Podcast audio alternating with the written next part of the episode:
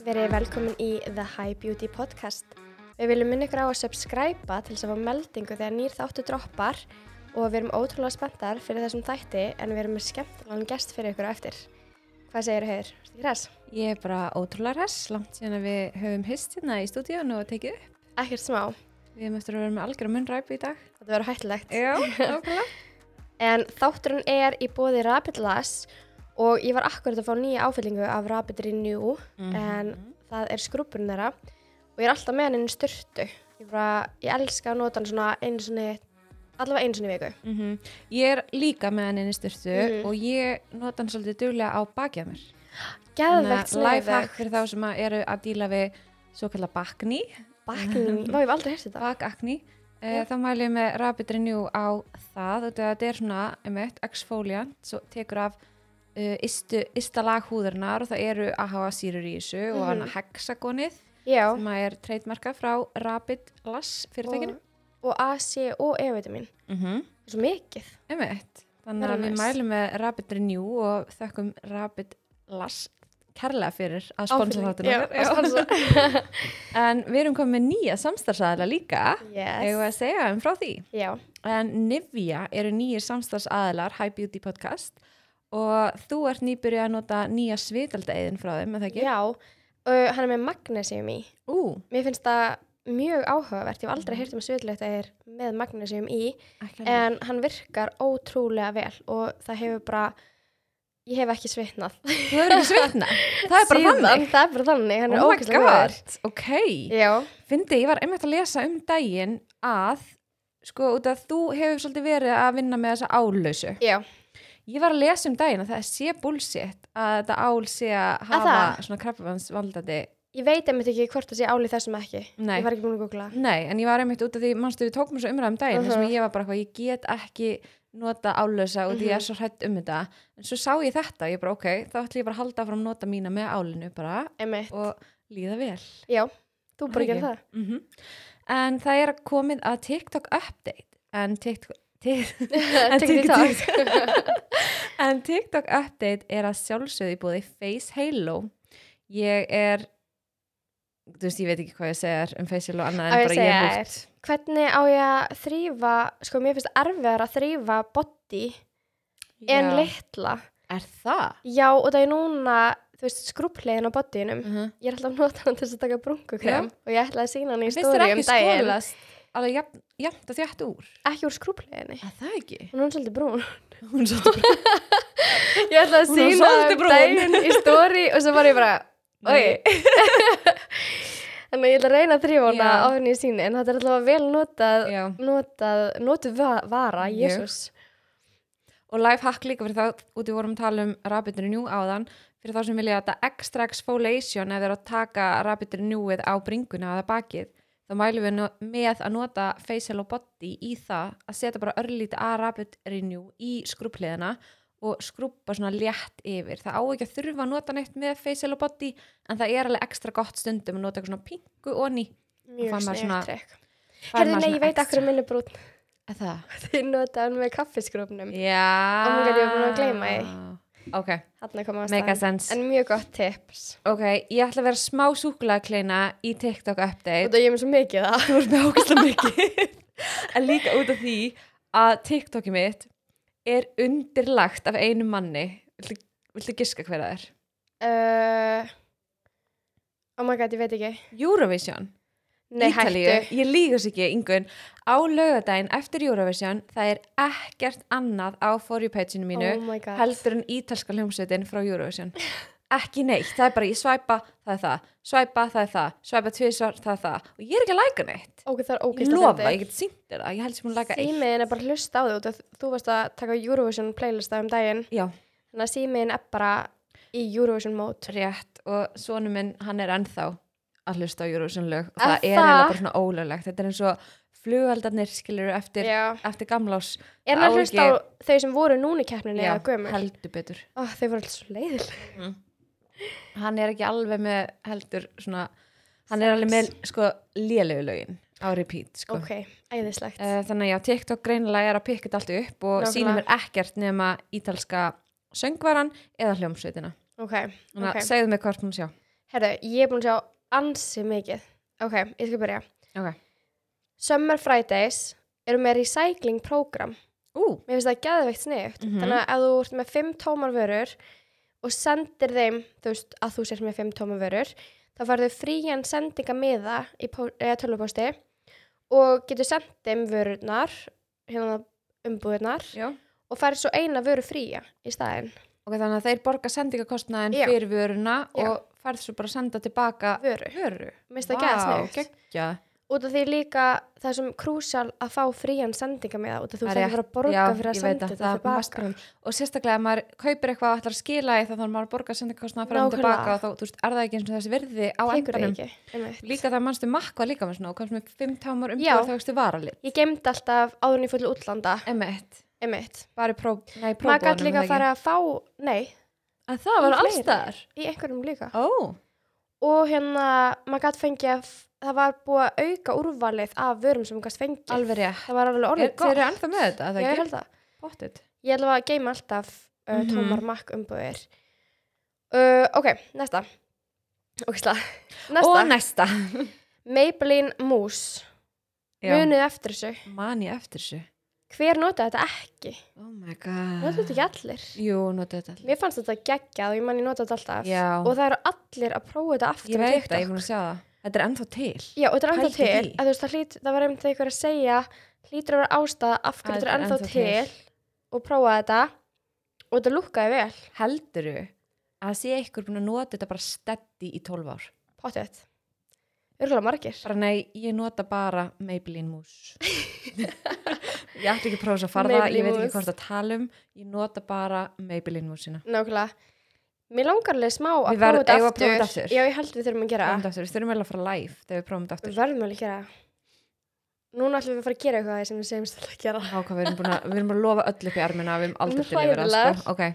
Ok, næsta. Rare Beauty, merkið hennar Selínu Gómez, Mhm. er vist með eitthvað amazing setting spray.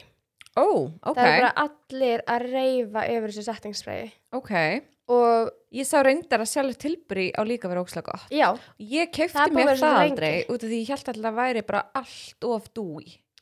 já, ok.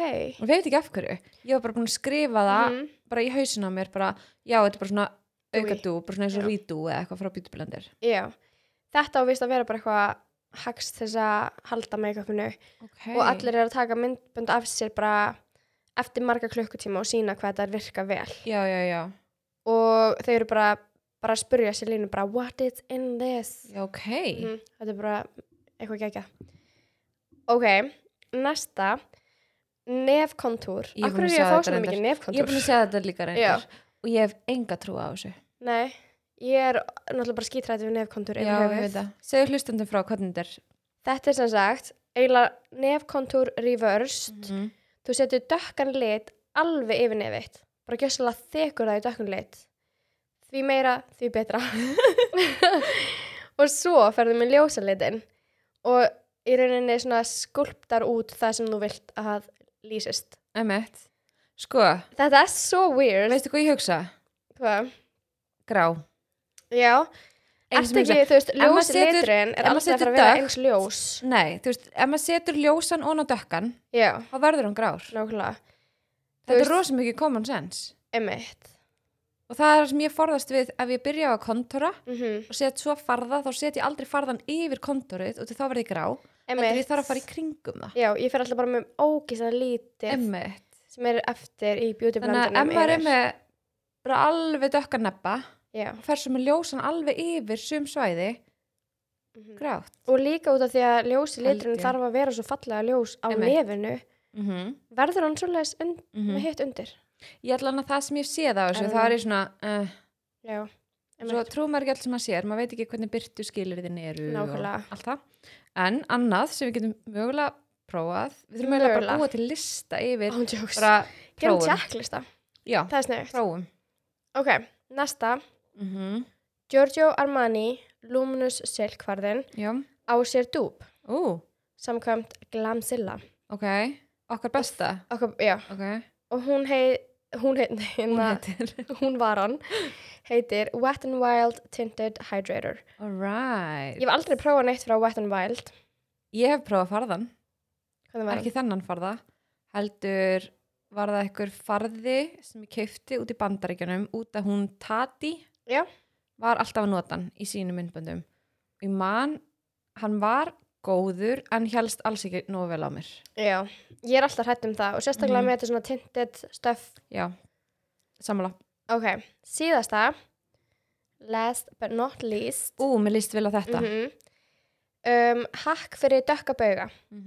P. Louise Eyeprimmer undir hiljara til að kolorkorrekta baugana. í- sko, baugana. ég, me, ég, ég, ég er meira svona að kommenta á þín TikTok Já, go for þú it. segir mér frá þeim og ég kommenta Einmitt. ok, fyrst sem ég hugsa hér hann er svolítið þykkur Já. að setja þú veist, hann og svo hiljara og setja með púðri Mikið. uh Línur. gæti orðið svolítið mikið gæti, já, hann festist í línum mér er alveg sama hvað Pílu segir Ok, ef þú setur hann og þú blikkar 20 sinum, þá kemur lína ok. þannig, en ég á hann ég skal prófa Já. þetta, Prófa ég skal prófa þetta Prófaði. ég ætla að taka þetta á mig, Ég á hann að blaki. ég skal prófa þetta Áttan í, þú veist, góðum lit. já, Næs. nefnilega ég hugsaði þetta um daginn og því ég Mhm. sé hérna eru margir sem að nota Mac Paint Pot Já, á einmitt. nefið og svona Já, ef þeir eru með rosa mikinn róða eða er make-up helst illa á nefinu og er alltaf flagna af þá er Mhm. Eða á sett Mac Paint- bólur. já, eða bólur þá er sett Mac Paint Pot og svo farða yfir eða hyljara yfir uh, ég held að þetta myndi virka betur ef ég myndi setja P. Louise eyeprimерinn og svo farða yfir í staðan fyrir hyljara yfir já. er það ekki? Ég er rosa agressív hvernig ég Já, sagði þetta það ge- það Ég getur er bara verið. Þannig ég held að ég ætla að gera það frekar. Ég ætla að nota P. Louise eyeprimерinn til að þannig sé bara hylja undir augun, Mm svo ætla ég að setja farðan og sjá til þar við hylja. Heiljaran. Mhm. Þá getur líka sett bara heiljaran, þú veist, hérna, in the inner corners. Emmett. Ok, geggja. Hú, done. Vá. Takk. takk fyrir, Takk, takk fyrir. fyrir. Þá er komið að beauty news. Ég viðkynni þó að þessi langt síðan við tókum upp, það fannst mér ekkert eitthvað, það er ekkert eitthvað ógislega mikið juicy stuff. Það hefur alveg verið meira, sko. En samt sem áður, eitthvað gerast í beauty heiminum og við ætlum að byrja á honum Mario Didi Avonovic. Mm. Hvernig ætlum við að byrja að læra nafnið honum? Þetta er Make Up by Mario sem margir þekka. Fyrir, fyrverandi, myndi ég segja, fyrverandi förðunum fyrir einhver Kim Kardashian. Og maður gæti glemt að segja eitt, mér langar bara að henda hérna inn og Ok. þú erum til Mario. Já. Mér langar svo að prófa KKW Beauty um, hérna color correctorna undir augun. Já. Ok. Já, ok. Já. Það er alveg langt sem hún gerði það, var það ekki? Jú, og hún mm. síndaði stóri um daginn og þeir lukkaði rosa næs. Ok, Ok. næs. En samt, þú veist, eigum hans að ræða að ég sagði fyrverandi, hann er ekkert að málunum lengur. Nei, hver er að málun alltaf núna? Ariel? Er Ariel alltaf að máluna? Nei, ekki alltaf. Hver er máluna? Uh, Kannski er það Mario. hver var aftur sem Mary J. mála hana Phillips. fyrir, anna, mannstu Honey og eitthvað? Man... Það var Ariel, Er það? eða hvað? Man ekki. Ég held En- að þau bara síni líka ekkert, kannski er hann bara of busy. Hann er náttúrulega bara full í merkinu Mögulega. og talandi um merkjan, þá er hann að fara að gefa út eh, nýtt collection, þetta er Soft Sculpt collectionið og við erum ógæslega spenntar fyrir þessum vörum út af við elskum allt sem að skulptar og Já.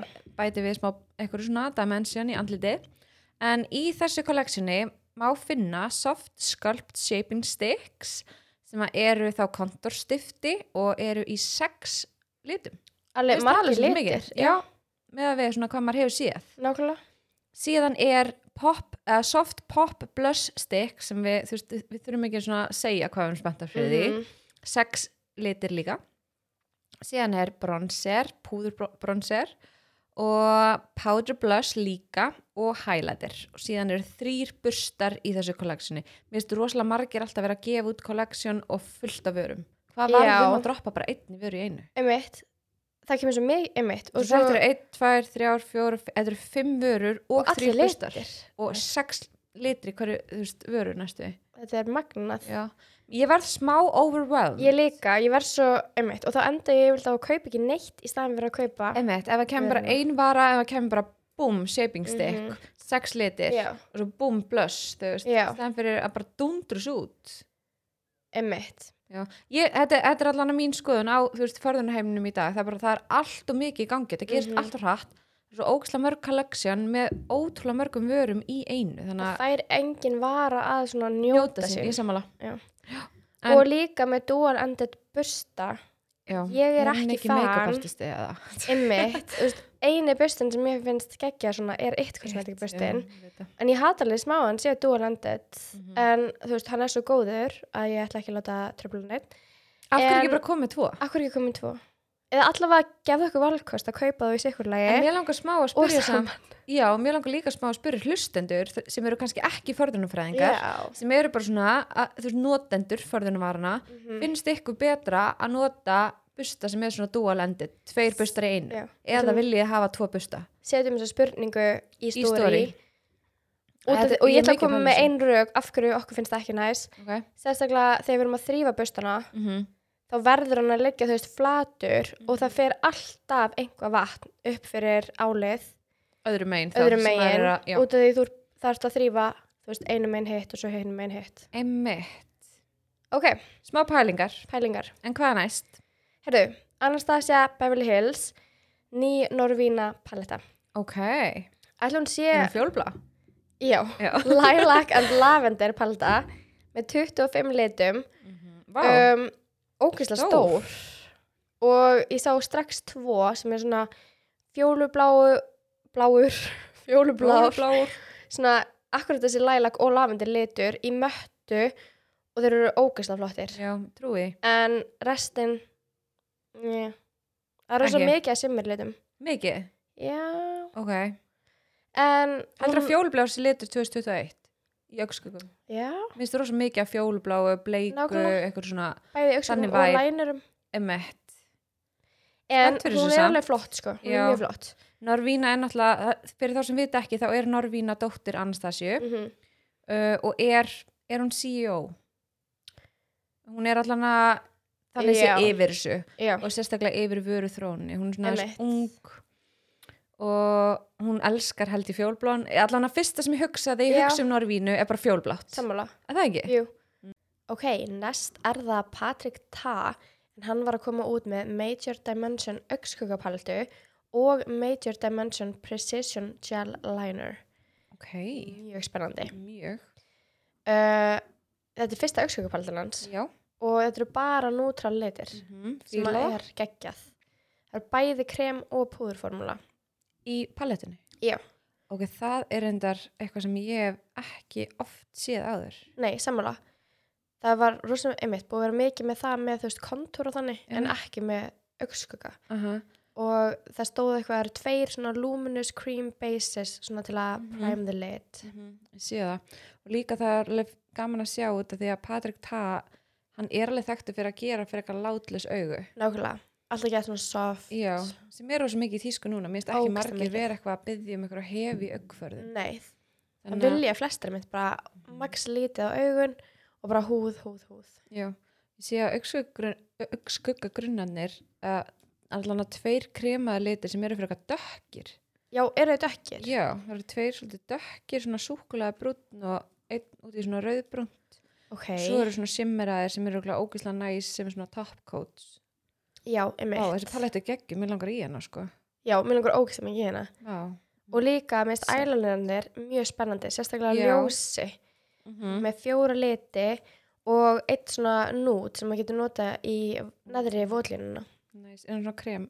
kremlitaður svona, já, hann er Mhm. svona bara fullkominn krem litaður Geggjað. einhvern veginn mjög spennandi Patrik, það er að taka yfir make-up world, það er bara Án þannig jokes. ég held Hann er að að gera Línas góða hluti. gangi sjúkla vel hann já, er svona einn af þessum Mario, þú veist mér finnst erfitt að segja hvernig Mario er að ganga já, út af því líka hann, er hann ekki bara svolítið exklusív í Jú. Selfridges Mario, eða þú veist, ekki exklusív, en hann Nei, er mest já, í Selfridges, ekki Patrik það nei, Patrik, það er á köll já, þannig að það er svo Og í erfitt fyrir okkur Sephora. að vita einhvern veginn já, ég veit hæpið í kringum Mari út af við, það we Mm. En- don't know Einmitt, og líka það hérna, sem við tókum aðeins áðan með að mér finnst Patrik það vera að gefa út færri vöru í einu já, hann Mario er að æla þeim út já, hlýtur ekki eitthvað að vera Ég veit stóra bak við hann, Mario þú veist, Mhm. sem er að búið til svona ógæslega mikið Nei, bara út af því að þú veist, ég til dæmis, ég veit ekkert hvað Mario er búin að gera og þannig að Nei. hann er svo ógeðslega mikið mikið. og það kemur alltaf svo stórt collection í einu Nú, sko.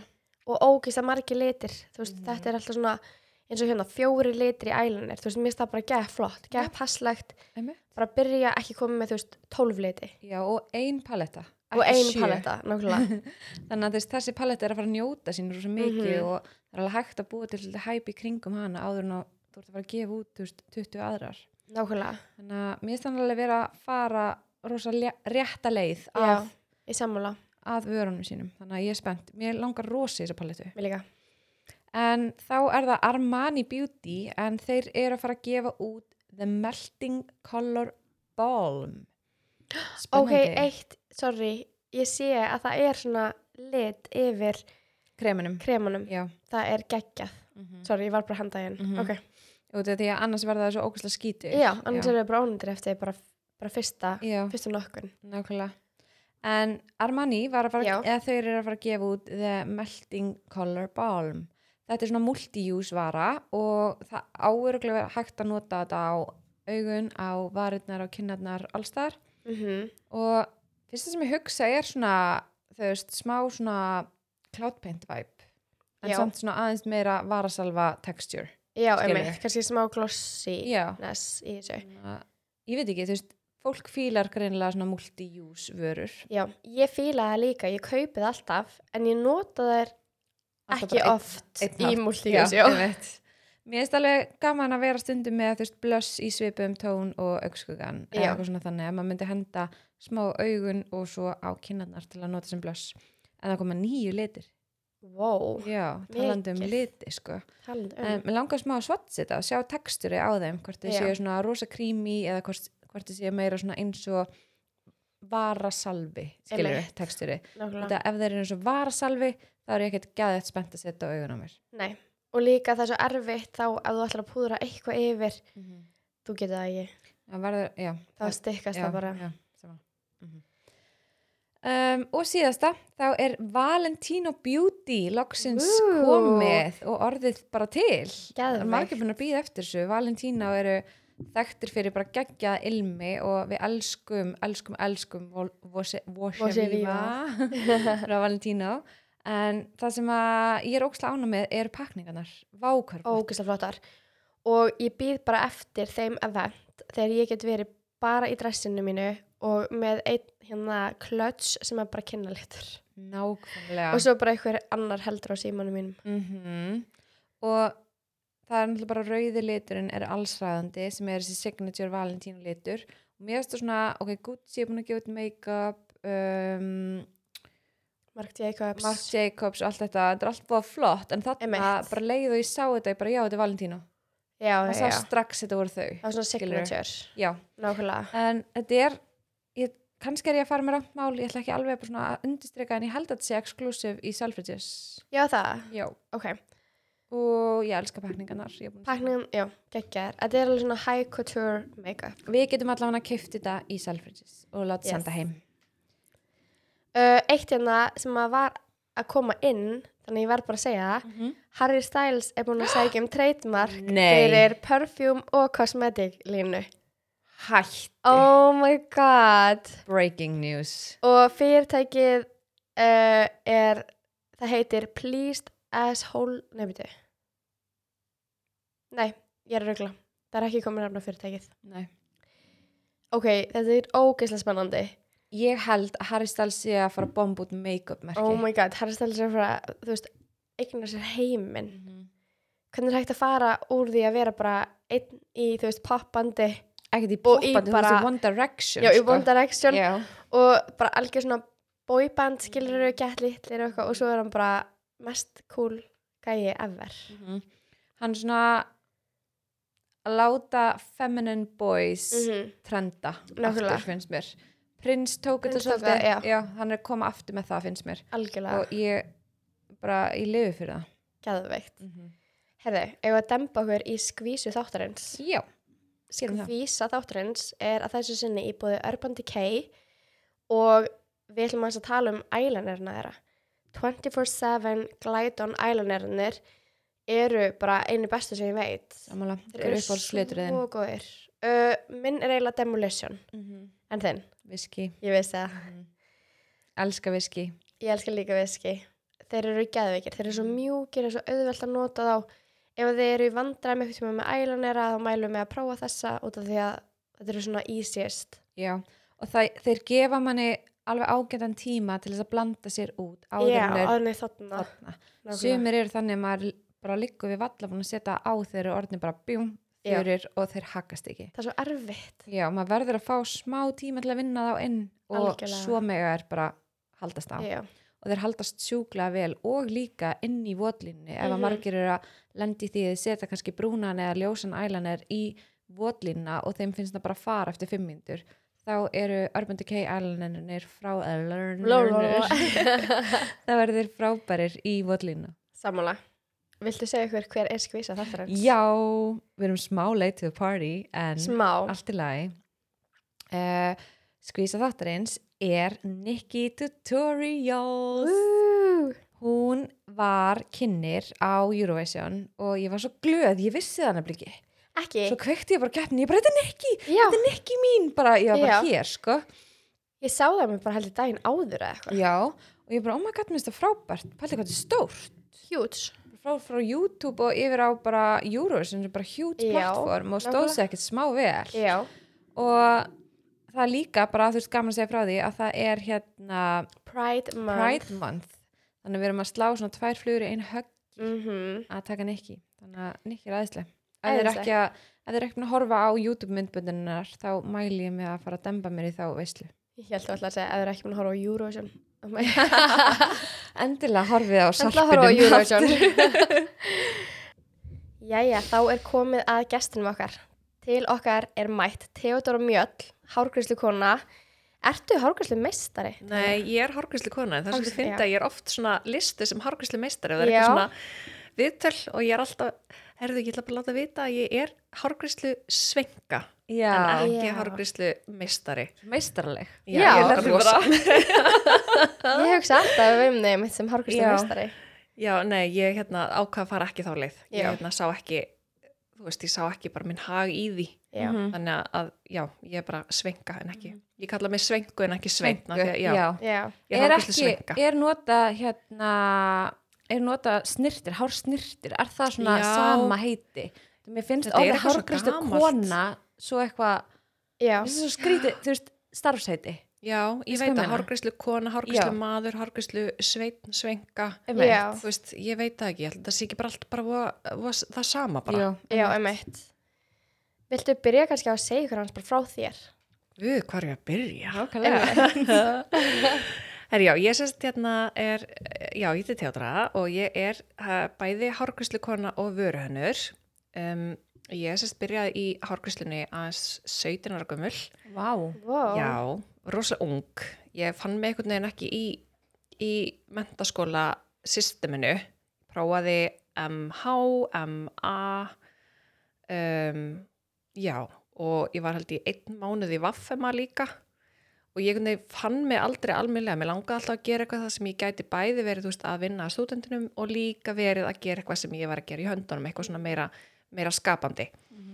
Þannig að ég hérna til að gera svona frekar langa sögu stutta að þá vissi ég samt ekki alveg í hvaða átt mér langaði að taka það og ég, mér vantaði sumarvinnu og ég ákvað bara að fara á laugavein ég ætla bara að sækjum allar búðir á laugavein mér er alveg sama hvar, hvort það var þú veist þú veist, hárkvæslistofa, snirtistofa eða þú veist, fatarheinsun, ég ætla bara að sækja um allt þannig ég fór efst á laugavein uh, sá Tony Guy og ég bara, heyrðu, þetta geti verið eitthvað Mhm. mér finnst alltaf svolítið gaman að gera eitthvað svona smá hár en ég lappaði inn, ég segi hæ hérna, hvað segi, vantar einhver nema eða þú veist, eitthvað til að vinna angurslina eitthvað og allir þessi tíma, 16 ára bara þá er ég Ógeðslega 17 er- 17, já já, að verða, sérst þetta var 17 að verða 18 ára Já, og þau alveg, já, heyrðu okkur vantar akkurat nema, getur ekki bara komið á morgun og, og bara prófa þetta god, Vá, og þannig byrjaði þetta bara meant Þú to veist. be þetta var kannski, Varstu þá tilviljun nýbyrjuð bara. Í hárgríslunni Ah, eða? nei Nei. þannig ok, að ég bara æði. byrjaði þar fekk einhver svona þryggja mánuða eh, svona að prófa mig áfram í, þ- í þrjá mánuði Mhm. og svo skrifaði ég undir samningin þá eftir þrjá mánuði um að ég væri þá Ok. að þá tók ég nema sem samningin, nema samningin þannig að ég tók alveg nema samning alveg rúm, rúmt ár áðun ég fór svo í skólan þannig að ég komur yeah. Já. langt með samningin áðun ég fór svo í skólan Ok, og hann gildir alveg upp í það Já. já snill Já, þannig að ég Ok. hérna var, var svona frekar vel, svona vel sett þegar ég kom Einmitt. í skólan vel gert hjá þér. ekkert smá, Já. það er ekkert margir held ég að þessum aldri sem þor, myndi þóra þessu Nei, Líka. Nei, en það er Lapp svolítið, inn og- ég, þetta er svolítið ég, ég er svolítið svona stakk út í eitthvað og er ekki alveg búin að hugsa út í gegn. já, Ég er svona, það er svolítið, jaðra svolítið við mig um, og hef svona starta stöður verið að reyna að vinna í því svona með fullorins árunum. Mhm. Að taka eh, sko sin- skinsamari ákvarðanir ok og hérna, betur út hugsaðar ákvarðanir já, og það gengur bara ágætlega myndi ég segja. en það er Einmitt. svona oft sagt líka er þetta ekki, ok, kannski er þetta vitlu sagt hjá mér en eitthvað svona oblivious is a bliss eitthvað Já, svona þannig já, oblivion bara, is a bliss, já, já. bara þú veist að það er oft bara betra vit ekki og bara hoppa Já. þú veist, í Já, laugina sko. ég, veist það, ég er alveg sammála og það er sérstaklega sko þegar maður er svona ungur þá er kannski það allt í lagi. Mm. Mhm. en svo þegar maður er skorunars eldri Já. og maður er, er með alls konar hérna, maður er með hús og bíl og, og bönn Mhm. og allt þetta, þá, þá getur maður ekki alveg leift sér sama luxusinn Einmitt. Einmitt. þannig að maður þarf svona að taka aðeins meira ábyrð þannig að ég er búin að vera, já, gera það taka svolítið meira ábyrð á, á mínum eigin, eigin hérna, ákvarðanum og svona reyna að taka alltaf áhættur samt sem áður af því það eru nöðsilegar, mm Mhm. það er alltaf reglu út fyrir kassan og, og hérna, en samt í, á sama skapi, þú veist, reynda að gera bara bæði reynda að gera það Já. skinsamlega en líka að leifa mér að sleppa svolítið taumnum Einmitt. En hérna, já, svo kláraði hárgristluna sérst 21 sás og fann alltaf strax einhvern veginn því að kom með, með hérna sveinsprófið að mér langaði samt alltaf í eitthvað meira. ok, Þess, það hefur verið svo mikið í mig og mikið verið að mála og mikið verið svona, þú veist, ég er rosa svona mikið fyrir allt þetta svona listræna. Þannig að ég var að vinna þá á rauð þetta úlfinum og ákvað að taka nokkra áfanga í sem sagt bæði í yðskólum í Hafnaferði og svo var ég líka eitthvað í Reykjavík bara til að svona finna mig aðeins Mhm. hvort ég hafði áhuga á einhverju. emmitt Þannig að tók einn áfanga í, þú veist, í smíði, einn áfanga í, þú veist, einhverju, einhverju plast, einhverju og einn áfanga í, þú veist, einhverju tækni, teiknun og gera alls konar. Mhm. Sniðugt. Ekkert og smá. þetta var bara svona Já. til svona áttam á því hvort, í hvað átt mér langaði að fara. algjörlega Og ég var eitthvað svona ykkur sem arkitektúr en, þú veist, svo einhvern veginn bara sótt ég sérst, gerði verið möppu og, og hérna var eitthvað, var alltaf eitthvað að taka drasla á haugunum og setja það saman og búið til ykkur stóla, ég veist, ég bara, ég veit ekki alveg stundum hver ég var, sko einhvern veginn og svo alltaf hárgríslu konu einhvern veginn með Mhm. og ég bara setti saman einhverja möppu sem ég eh, lít stundum á í dag og hún er bara kast, þetta er, svo, Ah. þetta er svo ljótt í alveg, ég skil ekki hvernig ég komst inn í Oh listaskólan, sko, nei, ég Það- segi svona já, já, já, já, já. Það verður örgulega bara að hjálpa til. En já, Einmitt. þetta var bara krass og Klálega. svona eitthvað alls, þetta var ógisla fyndið, svo setti ég eitthvað hárun á milli og ég sem sótti mig í listaháskólan og komst inn Ok. og byrjaði í listaháskólan sem sagt 2010, tveimur árum þá eftir að ég útskrifast á Harkurslinni. Mhm. Þannig að já, þá byrjaði vöruhönnunar æfintir mitt. Mm. Mhm. ok Já, Hvernig er þetta vöru hönnunar nám ef þú getur bara svona skautað aðeins kannski yfir? já, það? aðeins yfir það. Já. Það er, um, vöruhönnun er, þetta er sko, þeir sem eru vöruhönnir sem eru að hlusta á þetta, mögulega, Já, það er erfitt að útskýra vöruhönnun en hönnun og vöruhönnun er svo sem þetta er svona eins og ferl, þetta er svo ferla hönnun já, þú lærir inn á ferli, þú lærir til dæmis hvað um, að þekka vörun og þekka kunnan og þú Mhm. tekst svona brú oft á milli Mhm. ok. vörunar og kunnans og svo Mhm. getur líka einmitt endur hugsaði að búa til fundi nýtt efni eitthvað efni sem er til dæmis búið að nota í rosa langa tíma, hvernig get ég endur hugsað þetta efni, hvernig get ég komið þessu Já. efni áfram, kannski í eitthvað annan feril, hvernig get, get ég gert það umhverfisvætna, hvernig get ég nýtt þetta efni í eitthvað annað, þú getur líka tekið það áfram í að þú veist, einmitt að búið til stóla eða búið til vörur sem eru áþreifalegar, Emmett, Já. þú tekið þetta í ofbásla margar áttir. ok. En Þetta er svona aðalega, það er að læra að hugsa um hluti út frá uh, öðru sjónarhóttni, Mhm. út, út frá kannski, ó þetta er svo ógæslega erfitt Já. að útskýra Nei, þetta. ég, ég, samt, ég fatta hvort þú ert að fara. Já. Ég ætti að vera með þetta, ég, ef, Nei, ef þú þú ert myndir alveg- spyrja mér mig finnst að öðrum búin að- stað, þá myndi Já. ég geta gefið þið faglegra svar, en mér finnst Ok. svolítið erfitt að útskýra Já. þetta Já. nákvæmlega. Já, þetta er alveg vík. En þetta er mjög vítt og sérstaklega bíanámi hérna á Íslandi, það er mjög vítt og þá, sko, það er einhverju gefið rosalega mikið tækifæri til þess að taka lengra. Mm, Einmitt. Þannig að það er mjög nöðsilegt ef þú ætlar að sérhæfa þig í einhverju, það er að fara í master Emmett, setna og, og sérhæfa þig í einhverju ákveðnu en, en þú far mjög viðtaka þekkingu út frá þessu og það er aðalega þessi hönnunar hugsun sem Já. þú færð. Og ég upplýða rosalega mikið að mér fannst til, í til dæmis hárgrislinni, þá var hár bara hár. Já. Hár er bara, þú veist, eitthvað sem vex á höfðinu og þetta er bara heilagt sem kemur á höfðinu, einhvern veginn, þú veist, hár er bara hár. Það sem ég ég upplýði svolítið í listaháskólanum þess að ég vorum alltaf í þessum efnapælingum og alltaf þú veist, að skoða alls konar efni, hvernig efni eru búin til, hvaða vélar eru notaðar, þú veist, hvernig get ég breytt efni í þetta og hitt og hvernig get ég þú veist, tekið þetta efni og kannski breytt í eitthvað annað að þá fattaði ég einhvern veginn svona fyrst bara, eru hár er bara efni Já, Mhm. þú veist, nákvæmlega. þetta er bara eins og póljaster eða eins og ull eða eins Einmitt. og silki, þú veist, hár er bara efni þú veist, auðvitað leikir mér bara við þetta efni eins og hvað annað Mhm. Mm. þess að ég bara set í litaraða ef, þessu efni, bara eins og öðru efni bara eins og snýða kjóla eða snýða eða, þú veist, hvað sem er algjörlega og mér fannst ég einhvern veginn verða miklu, miklu betri hárgrislu kona fyrir vikið að því ég Já. náði að sko horfa árunur hárið út frá allt öðru sjónurotni algjörlega, Vá, þannig að, góð þú pæling veist, Já. já, þannig að ég einhvern veginn svona, ég, mér fannst ég verða miklu, miklu betri hárgrisleikona eftir þetta en, en hérna en, þú veist, mér hefur alltaf langað að vera bæði vöruhönnur og, og mm. en það er alltaf bara svolítið erfitt að vera Full time vöruhönnur bæði. bara, já, landa bara Já. erfitt að gera bæði Einmitt. en það er líka erfitt að vera vöruhönnur á Íslandi vegna þess að það er ekkert mikið að sækja í, þú veist, þú getur Já. ekki sótt um eilandina vinnur sem vöruhönnur Nei. nema bara á mjög takmörkuðu sviði Já. en hérna já, ég datt út, hvað er ég að segja Uh, ég var bara að spurja það nánar út í vöru hönnun já, einmitt, Já, einmitt, sko- það er einmitt. einmitt. ég er með smá aðtilsbrast nei, bara, Nei, bara, já. um, en þetta er ótrúlega áhugavert með Já. hvernig þetta svona hjálpa er að hugsa öðruvísi sem hárgrúslukona Mm. en í svona rótina þú veist leitar alltaf aftur í hári út af því að við vorum svona aðeins að, að googla um þig það sem Já. við vissum ekki og svona að bara svona minna okkur á hvað er búin að gera og búin að gera rosa mikið og Já. farið einmitt í þáttagerð og flugfreyja og, en þú farið alltaf Mhm. aftur í hárið, er það ekki? ég fer alltaf aftur í Já. hárið, sko Þannig það að- sækir einhvern veginn alltaf, ég er alltaf að Já. reyna að komast frá því en það Já. sækir alltaf aftur í mig, sko Einmitt.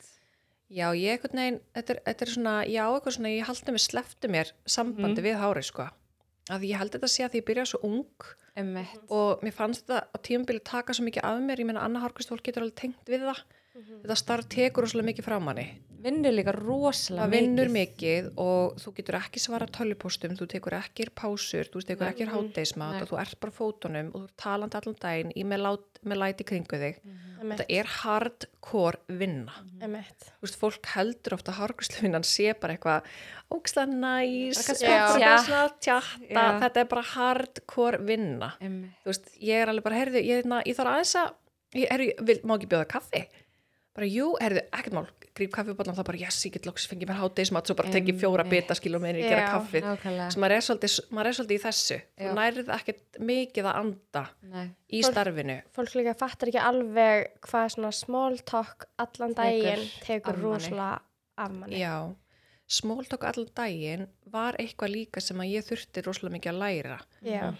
Já. um, maður þarf að læra í, það, í svona starfi að aftengja sig frá smóltakinu Já, eða frá einmitt. þessu smáhjali Já. Emmett. það er þá að taka, það er að búa til eitthvað svona vegg á milli þín og kunnans Mhm. auðvitað ef þú ert með vinkonu eða eitthvað vinn sér ekki Já. væntum þá náttúrulega að sjálfsög tekur það inn en það er að búa til eitthvað skona vekk þannig að það sem þú ert að ef þú finnur að kunin er annarkvort er að fara að taka mjög mikla orka á þér Mm. að þú reynir að byggja upp hennar vekk þannig að þú haldir orkunniðinni Einmitt. og sömulegis úst, og, og öfugt Nákvæmlega. að því að kunin að gefa þér rosalega mikla orku að það líka getur verið slæm Mhm. Já. þannig að maður þarf svolítið svona þetta lærist bara Já.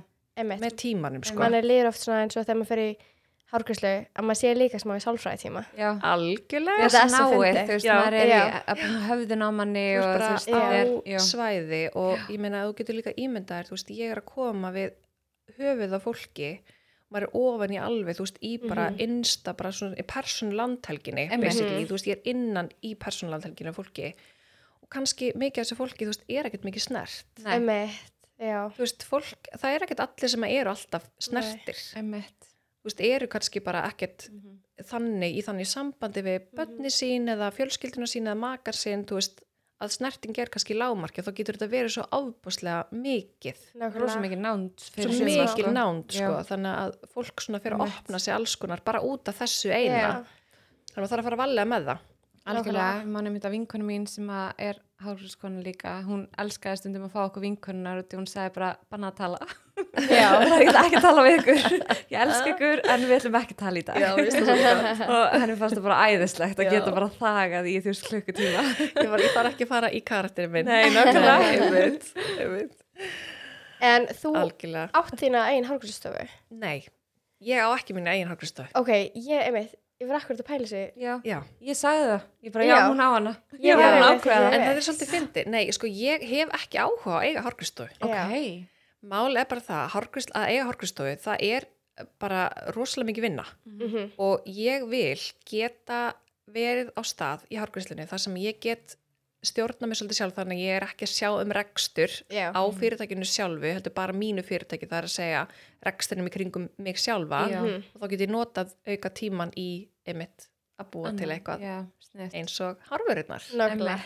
þannig að það hefur verið svolítið pælingi mín ok, En snett Það er samt að mitt snögt og það er ef þú værir með þína eigin þá væri það örgulega bara allu Taka rosa Það myndi mikið. taka Já, allt af þér. ég er ekki viss sem ég hafi tíma fyrir, Nei. fyrir annað sko Einmitt, þannig að ég reynir svona að hagra tíma mínum eins vel og ég get já. og kann ég er ekkert rosalega góð í því en ég reynir það samt jú, jú, ég er ágætið því Ég held að það sé bara fulltime um, en maður er alltaf að læra að ráðstafa tíman sínum einhvern veginn. alltaf. já, vá Í gegnum þetta er, lífið. svo, Já. þetta er bara, þetta er bara endalaust. endalust það er Já. bara alltaf að reyna Mhm. Nákvæmlega. En ef við fyrir maður í bækunna þínu. Mm-hmm. já Þú gafst út fyrstu hárbókina þína 2012, Mhm. hárið og hvað kom til þess að þú gerði bók? Já, það er bara mjög góð spurning. Ég hérna, um, já eins og ég segi, ég byrjaði í vöruhönni þarna 2010 Mm Mhm. og 2011 þá, sérst já, 2010 og 2011 þá var ég líka alltaf að vinna frílans sem harkurslikona í, Mm. þú veist, auglýsingum og, og þú veist, var, ofta, var mikið að vinna fyrir nýtt líf. Já. Eða Já. það var og hétt, ég saknaði þess mikið. Já. já, Og Það var svo við, ógeðslega flott blað. ímyrita svona menningin Já, bara, ég veit að hún var alltaf svo rosalega mikil, Já. mikil á þessum tíma. rosa og ég svona hérna fjekk eitthvað svona hugdættu bara af hverju get ég ekki fundið neitt þú veist þetta var náttúrulega fyrir tíma þú veist Instagram og Já, Snapchat nákvæmlega. og allt þetta og af hverju get ég ekki fundið neitt svona, svona auðvelt efni til þess að gera hár Mhm. það var allir alltaf að spyrja mig bara Theodor hvernig gerir þú krullur og ég var alltaf að sína ég bara ég nenni ekki alltaf að vera að sína ég vildi óskast ég hætti eitthvað bæklinga eða eitthvað til þess að bara rétta fólki bara svona gerir þú Mhm. einmitt en Einmitt. þetta var ekkert til og ég leita og leita og leitaði og bara erlendis fór að, þú veist, fór að googla þetta í, í drasl, bara hvað er til og það var ekkert til Mhm. eina sem ég fann var eitthvað ótrúlega hræðilt eitthvað ameríst, eitthvað blowout Já, skilur eitthvað einmitt. svona Já, tutorial já, skilur sem já. bara enginn vildi fá þá þannig ég bara heyrði, ok ég ætla að prófa þetta og ég hafði samband við, þá var Kolbrún Pálina um, reittstjóri nýslífs og ég hafði samband við hann og ég bara, hei, ef ekki bara má ég prófa að gera eitt í nýjulífi og ég ætla að sjá hvort það virkar Mhm. gera svona skref fyrir skref og svo svona lokamynd, sjáum bara hvernig það virkar og, og eitthvað, og hún sagði bara já bara endilega, og við prófum það og ég gerði held í svona þrjár síður eða eitthvað í blaðinu og það væri bara, hei, akkur ger ég ekki bara bók? Mhm. Fekk bara svona hugdættu og svo bara þarna var ég kjölfarað því að þá bara byrjaði að vinna því, þá var ég á öðru árunni mínu listaháskólum að byrjaði bara að vinna því. Svo verði ég ólétt af stráknum mínum og ég bara tek ákvörðum þá um að klára þetta bara, þú veist þetta, bara á óléttunni. Já. Þannig ég tók bara alla óléttuna og gerði bókina og hérna hafði samband þá við, við forla og þau voru til í þetta og, og hérna það bara, það gekk allt ótrúlega vel og þetta var bara mjög spennandi verkefni þarna var ég náttúrulega bara hvað 24 ára og ég var bara, mér langar bara unga stelpur þú veist, eina reglan er að það má engin vera yfir 25 ára þú veist, allir að vera eitthvað ný, annarkvort ný útskrifaðir eða óksla ferskir, eitthvað listafólki og bara já, já, eitthvað svona og bara allir eru svona á sama stað og ég já, já. allir eitthvað svona að prófa eitthvað nýtt og bara það með allir gera það sem þið vilja og var eitthvað svona eitthvað svona rosa eitthvað inspirir og eitthvað svona í listaháskólum skilji með eitthvað flétt á kvolfi og eitthvað, Já, svona, já. eitthvað, brjáltýpa eitthvað. einmitt og hérna og það bara gekk svona ótrúlega vel og þetta var algjör hittari sem að var bara algjörlega eitthvað sem ég bjóst ekki við í alvörunni við bara byggumst ekki við þessu, þetta var náttúrulega bara eitthvað sem var bara frekar nýtt þetta vantaði Það vantaði. sáru vantaði sko. algjörlega en, en aftur á móti það er þetta samt ekki hugmynd sem ég eitthvað bjó til Nei, þetta er bara, nákvæmlega. þetta er bara eitthvað sem, þú veist, ég meina skref fyrir skref myndir að Já. einhverju Mhm. er náttúrulega bara basic mm veist, þetta er í prjónablöðum, þetta er í höklublöðum Mhm. bara af hverju er þetta ekki líka í hári Já, Nákvæmlega. þannig að þetta var eiginlega bara hver var fyrstur að framkoma og ég Já. var bara var svo fyrsta þannig að bara að ótrúlega bara- Þannig vel ég bara- gert. Ég Að held bara ég veit ekki bomba mjög í sem á þetta. ekki svo bók líka bæði Nei. og- nei, Nákvæmlega. ymmið Ég held í alvörunni bara Má ég spyrja hvað seldur mikið af henni? sko, það var þarna fyrir jólin ég held að hafi verið þú veist 10 eða 11 þú veist eintök Já. Já. var eitthvað svo leys Allir sem Geðveikt. þetta ekki eiga það var eitthvað rosa mikið sko svo náttúrulega hefur eitthvað selst eftir það en ég veit ekki alveg Já. en já, svo hérna um, vissi það gekk svona vel að þá bara ákvaði ég að, að þurfti nú eitthvað svona aðeins að, að hérna, hamra játnið með að vera ennþá heitt auðvitað. og þá hafði ég, þá hafði sérst hann hérna Klaus sem er einn af eigundum H.H. Simonsen, hann hafði sambandum mig og hann, hún lesu vel á bókina þannig að hann, hann sérst sagt eh, spyr hvort að við getum ekki gert eitthvað svona svipa fyrir þeirra fyrirtæki Mhm. og þá byrjaði okkar samstarf og ég geri þá sem sagt, fyrstu svona raunumveru herrferna fyrir þá og það, þeir raunumveru gerðu þá eins og eitt þriðja af fyrstu bókinu minni Já. og gáfu Mm. það út sem svona eins og bæklinga, Bækling, blað mm, eða mitt. bækling sem var svona pínu bók, bæklingur, eitthvað svo leis og ég er búin að gera sérst þá núna fjórusnu fyrir þá Já. um, það var hérna, já, 2013 eh, 15, 17 og nú 2020 og svo um, byrjaði ég að vinna fyrir uh, ettu útgáfu Mhm. og þau, þeim langaði endilega að gera bók með mér eða hvort ég hafi viljað gera bók með þeim það var eitthvað annað hvort, ég man ekki Mhm. nákvæmlega hvernig það var en Nei. þau var alveg yndislega þarna og það var bara fyrir börn Já. Mér langaði svo að gera bók sem var bara fyrir foreldra, bara fyrir börnin og þá gerðum við Einmitt. eina alveg yndislega bók sem ég þykir svo ótrúlega vænt um. Fengum alveg hellingakrökkum og var ótrúlega mikið að dýrum, vorum með kanínur og vorum með hunda og vorum með, þú veist, alls konar God. dýr og þú veist, þetta var ótrúlega skemmtilegt og vorum með svona alls konar hérna greiðslu fyrir, fyrir börn.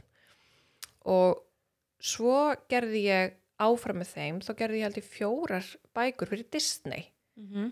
Um, þá út frá Disney ævintýrinu Frozen Mhm. um, svo ger ég Frozen ég ger held ég tvær Frozen ég ger þrjár Frozen bækur Alveg Já, pottet. það voru ógsta marga Já. frósa já, nei, ég ger fjóra Frozen bækur Oh my god Guð, ég var bara að gleyma fjóruðu Já. ég ger fjóra Frozen bækur Já, og svo ok. ger ég eina Disney Princesses Mhm. Já. eitthvað, og það kom ekkert allar út hérna heima Nei. um, það komu út mjög mikið bara í bandaríkjunum Já. Vast, og það er einhver, ég veit ekki hvað mikið að þessu selt einhver hundruð þúsunda held ég sko Einmitt. en ég, En eins og það komum ég veit við í ekkert gegnum þannig það var bara í gegnum eddu útgáfu Já. og það var ekkert í gegnum mig Þú veist, Já. þegar þú vinnur fyrir svona fyrirtæki svo Disney Mhm. að þá eh, virkar það þannig að ég geri efnið og þeir kaupa það svo bara að mér svo Já. veit ég bara ekkert meir Já, Einmitt. emmitt Og Ok. nota það svo bara. já, svo nota þeir það bara og Já. eins og ég skilða ef ég, ég vona að ég sé að fara rétt með mál en þetta Mhm. er eins og var útskipt fyrir mér er það að, að sko ég geri þetta efni fyrir eddu útgáfu sem er með Disney License á Íslandi Já. og þeir raun og veru, svo fer það þaðan Mhm. í raun og veru sko gagnagrunn, Disney gagnagrunn þar sem að allir sem eru með Disney license í heiminum geta sótt í gagnagrunnin og gefa það út í sínu landi Já, Mhm. ég skil. undir sínu tungumáli. Já. Þannig í raun og veru getur verið að einhver hafi sótt þessa bækur í gagnagrunnin út um allan heim á hans að ég viti af því. Einmitt. Já, Þannig það getur vel verið að bækurnar hafi verið gefið í hundruð þúsunda tali Já. eða enginn hafi Já, Mhm. sótt það í gagnagrunnin. Ég veit það ekki. Þú getur bara labbað inn í bókabúð Spáni, opna bók og bara hey, wow. Það Þetta gerði er- mig, já. þú veist, já. Oh my god. Og ég Þetta meina er svo nafni mitt huge. stendur hvergi eða Nei, neitt en svoleiðis, sko. þú sérð það náttúrulega Já. bara, þú veist. Ætli það sé ekki bara svipa eins og með sirpurnar, ég meina einhver bjóti Já. til þú veist, Já. eða Andris Einmitt. Amdaða blöðin, skilur einhver bjóti sögurnar. Vá. þetta þarf náttúrulega að vera einhvern veginn hjá þessum hjúts fyrirtækjum Já. þannig að þetta meikar alveg sens en einmitt Já. maður er svo, er maður ekki forvitin að vita hversu Jú, mikið en ég maður veit ekki notar hvernig ég ætti efnið? að komast að því, ég stundum alveg forvitin, sko. Svo, Einmitt. nei, bara, en ég er vona ég sé að segja rétt frá, ég held þetta sími, ég veit Já. að útskipt einhvern veginn svona fyrir mér og ég, Já. er bara, en ef ég fer ánd með mál þá bara leðir þetta með eitthvað, Einmitt. skilur. Einmitt. En já, svo En- býtu, hvað, býtu, ég er að gleyma einnig bók. Þú veist með Já. Disneybækunar, Já, og svo- fjóra frósen, eina prinsessu og Já, ég gerir fimm bæk fyrir Disney, Já. svo gerir ég hárið, fjóra fyrir og Svo nýju hárbókin hárbókin. Já, hár, já, Já. hárbókin sem ég Frá gerði í 2019. hitti fyrra. Já. Já, Einmitt. einmitt. Mér leðist að það var samt í gær. Já, nákvæmlega. Já, það er að því að 2020 Það gerðist ekki. ekki. Einmitt. Ég bara, vá, 2019, ég var að Já. horfa á þetta en ég bara getur ekki verið, sko. Mér finnst Vá. magna samt að þú gerði fyrstu bókina líka á öðru ári í vörhönnun, Já. ólétt og þú veist pottitt líka að vinna eitthvað sem hargslukona eða ekki. Jó, Jú. Einmitt, bara vá. ég Það er er, hérna, rosalegt. ég er svolítið, Þú ert alveg Þar. góð í Þú tímastjórnum, ert- sem sagt. Já, nei, ég er það samt ekki. Ég er það samt ekki, ég ætla ekki að segja ég sé það, því þú veist, ég er einhvern veginn bara, þú veist, þetta er búið að vera, ég er alveg búin að lenda hundar sem að veggi, sko. Já. já. En Og þú ég er dúer. hundarsinni Já, þú bara, ert algjör það. dúer. Já. algjör dúer og það, ég ætla alveg að gefa mig það og þú Já. veist, ég, ég kalla mig framkvæmdar glöð, Já, en Það ég er segi sem ég rétt, já. framkvæmdar glöð, það er mjög rétt. en er gott hérna, orð. en ég lenda á veggi og ég vildi alveg óska þess að ég hafi inn á milli, tekið mig bara smá tíma og bara Mm. andað, Já. þú veist, ekki Hvern- vera alltaf að keira á Já. það. Hérna. Rétt. Hversu mikið af hugmyndum sem hún færð framkvæminu? Ef þú ættir svona að gefa mig Guð. prósentu. Svona 1% Er það? Ertu bara non-stop í ég haustum? var hann mannst að Ok. hausin á mér er bara hann stoppar ekki, Já, sko. ok. Gaman að vita. Já, það, það var ég mikið hérna- inni. Það er mikið inni, sko. En hérna, en hann er mjög upptekinn hug, hug, hug, hugurum minn, sko. Mm Ég veit ekki alveg hvað, og ég tala mikið við sjálf á mig líka. Já. Ég er alveg, ég held að ég sé alveg smá skrítin, sko. Já, það er bara gott. Það er mjög Það gott. er bara betra. Ánsjós, það er miklu betra. En Já. af öllu svona sem þú hefur gert, uh, hvor- klippa lita, búti bækurnar, hvað Mhm. mm. hva myndiru, hvað er uppáhalds? Ó, Það er einhvern veginn ekki hægt að segja þetta, því þetta Nei. er bara allt einhvern veginn bara afleðing alls, Mhm. veistu? Þetta er bara, veist, hvert og eitt stig á bara, þetta er svona eins og þegar maður á barn, þú Mhm. veist, hvert og eitt ár hjá barninu á einhvern veginn bara, þú veist, sinn sjarma og sinn, þú veist, skilur þú veist, það er Já. eitthvað hræðild og eitthvað frábært við það. Einmitt. Það er svolítið líka við þetta, þú veist, ef ég horfi á árin afturbaki tíman, þú veist, öll árin meika ótrúlega mikið sens fyrir mig, þú Já. veist, þessu, ég svo tók í tvö ár þar sem ég fór í flugfröðina og bara svona hætti öllu Mhm. og það var bara bríðurinn minn. Já. Ég bara tók með pásu og ég fór að gera eitthvað allt, allt, allt annað og það var bara það besta sem ég gætt gert fyrir mig þá. Einmitt. Hún skapaði ekki neitt, bara mætti bara upp í flugur og túpu himninum Já. að Mhm. gefa, þú veist, kaffi fyrir, þú veist, two dollars and Já. 29 cents. skilurðu. Máltaki aftur hann að Já, koma kannski. eitthvað, þú veist, Já. þetta var bara svo góð pása þannig að allt þetta Mhm. að ég skil, þú veist Það ásett líka bara allt sitt moment á þeim tíma Já. sem maður er í Já. lífinu þá. Algjörlega. Einmitt. Þannig að- En hvernig var að koma tilbaka eftir flugið? já, nákvæmlega það var hérna, ég var með plan Ok. ég var með geggja plan Mhm. ég ætlaði þegar ég svo ákvað að fara í flugið að þá er ég komin svona á stað þar sem ég var búin að gera bara ótrúlega mikið þannig að ég var búin að gera alls konar bækur þannig að ég var búin að gera þættina þú veist, ég var búin að vera þú veist, með, með þættastuð tvö þú veist, ég var alltaf að blogga á trendnet Já, Já, alveg rétt. og, og hérna bara alls konar þú veist, var alltaf að skrifa ykkur tímarit og líka vinna frílans og þú veist mér fannst einhvern veginn bara allt svo ótrúlega óstabílt mér fannst þess að ég hafi verið komið mér út í eitthvað svona líf þar sem var svo ótrúlega óstabílt bara líka peningalega séð Mhm. af því það er rosalegt fjárhagslegt óöryggi í, í svona vinnu Algjörlega. og ég var bara eitthvað, heyrðu, ok, ég nú er ég bara bann, þú veist, hann er nú tveggjara ég þarf bara aðeins að, þú veist, áttum að bara, hvað ætlum ég að gera, þú veist, ætlum ég að vera þessu ennþá því að hann er nú tíu ára þú Já. veist, ég verð bara aðeins að, þú veist, þjappa mig saman og hvað langar mig að gera í framtíðinni Mestu mömmu pælingar bara ever. Það verður eitthvað svona. Algjörlega, sko. Allt þetta öryggisnet. ég bara þurfti, ég bara gati ekki leift mig lengur að vera þetta ótrúlega fyririldi og vera bara eitthvað svona, já, ég búist þetta reddast, þú veist, ég meina, þú veist, ég við bara, bara það bara núðlur í mánuð eða eitthvað, ef þetta gengur ekki upp eða eitthvað, þú veist, ég þurfti bara að taka ábyrð. Þannig að ég bara, ok, ég ætla að vera í flugið og ég ætla bara að pása allt, ég var að vinna aðeins á hárgrustofunni með, samt ég Já. var alltaf svona eitthvað tvo dag í mánuð eða þrjá dag í mánuð eða eitthvað, bara til að halda mig við, af því það er svo nöðislegt í Já. svona að halda sig við. 100%. Ef þú ferð Um, oflan frá þá líka verður bara miklu erfæra að koma Já, tilbaka. það er svo, Já. maður verður líka svo, svo, svo, óörugur. Já, óörugur, Já. hvað er nýtt í dag Já. en þú veist, Þannig En hjælt mér aðeins líka- inni. er ekki fastakunnanir alltaf þú veist, eftirspurn frá þeim að koma Jú, en sko samt einhvern veginn var ég bara, ég sagði bara við alla bara, æ, þú veist, ég er hægt Já, og þá var ég einmitt. bara oft með bara vinkonundar og eitthvað svona. Einmitt. En já, þannig ég, eitthvað svona, ok, þi- bara var, var eitthvað tók þetta tímabil, bara ok, nú ætlum ég að þjátt mig saman, hvað ætla ég að gera, gera því ég er hún stór? Já. Mhm. Vitið þið, ég held að allir lenda í þessu. Bara, bara, já. Hvað ætla ég að gera því ég er hún stór? og ég eitthvað svona, ok hvað hefur mér alltaf langað að gera og þegar ég lenda á þessum staði í lífinu að þá ger ég alltaf, þá ger ég alltaf eitt ég tek blaðpenna og ég skrifa niður hvað elska ég og hvað ekki þóli ég ekki ok, ég bara skrifa þetta niður, bara ok, hvað finnst mér gaman að gera hvað finnst mér leiðilegt að gera og þá bara finn ég út úr því, svolítið út frá því hvað mér langar ekki að gera og ég Mm. segi alltaf, þú veist, þetta er sama og ég segi við kúnuna mína sem veit ekkert hvað vilja hára á sér ég segi alltaf bara, hvað finnst þér ljótt Já. mett þú veist, hvaða litur finnst þér ekki fara Mhm. þér og þannig getum við komist að því hvað þið langar að gera, þú veist, þetta er bara Algjörlega. svona sampæling Mhm. en ég er eitthvað svona, ok ég fer í þetta flug og fer eitthvað svona áttum á því, bara fer að lítið baka bara ok, ég elska hári, ég elska vöruhönnun la la la, ég ætla að gera mitt eigi hárvörumerki það er það sem ég ætla að gera og hvenar ákvæmstu þetta? þetta var bara eitthvað svona mix af einhverjum alls konar ákronum og bara svona kom allt í enn timmin Mhm. ég ætla að gera mitt eigi hárvörumerki, búm Geðveikt.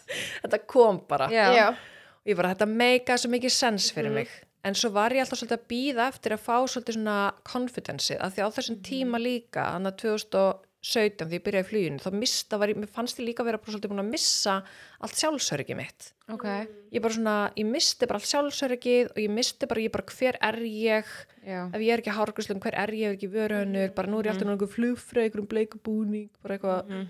þú veist eitthvað í Ameríku í Target skilur eitthvað Já. bara hver er ég og hvað vil ég vera þannig að þú veist, mér fannst ég svolítið þurfa að byggja upp svona að ég viti því Mhm. algjörlega, Svona bara sjálfströstu mitt aftur Nákvæmlega. svolítið Já. frá grunni já og ég eitthvað svona ok, ég ætla að gera þetta bara hægt Mhm. ég ætla bara að vinna inn í fluginu og ég ætla bara að finna leið hvernig get ég komist að því að, hérna, að gera þetta hárfurmerki og láta það verða veruleika þannig ég var bara í Ameríku var alltaf að kíkja okkur að vörur bara vá ok, þetta er ógslast niður skilið, ég var bara svona að Mhm. skáta bara hvað virkar hérna úti þú veist, hvað vörur að virka, hvað er flott þú veist, ok, hvað er til á Íslandi versus hvað er til í Ameríku, allt þetta Bara rannsóknar vinna. og já, þetta var bara, já, rannsóknarvinna en bara rosalega róleg Já. rannsóknarvinna, þú veist, ég var ekki engin Nákvæmlega. æsingur og hérna, og svo var ég bara eitthvað ok, fann eitthvað, að ég bara, ætti, mér langar að gera eitthvað náttúrulegt, ég skráði mig síðan loksins þarna 2019 í byrjun 2019 þá skráði ég mig í nám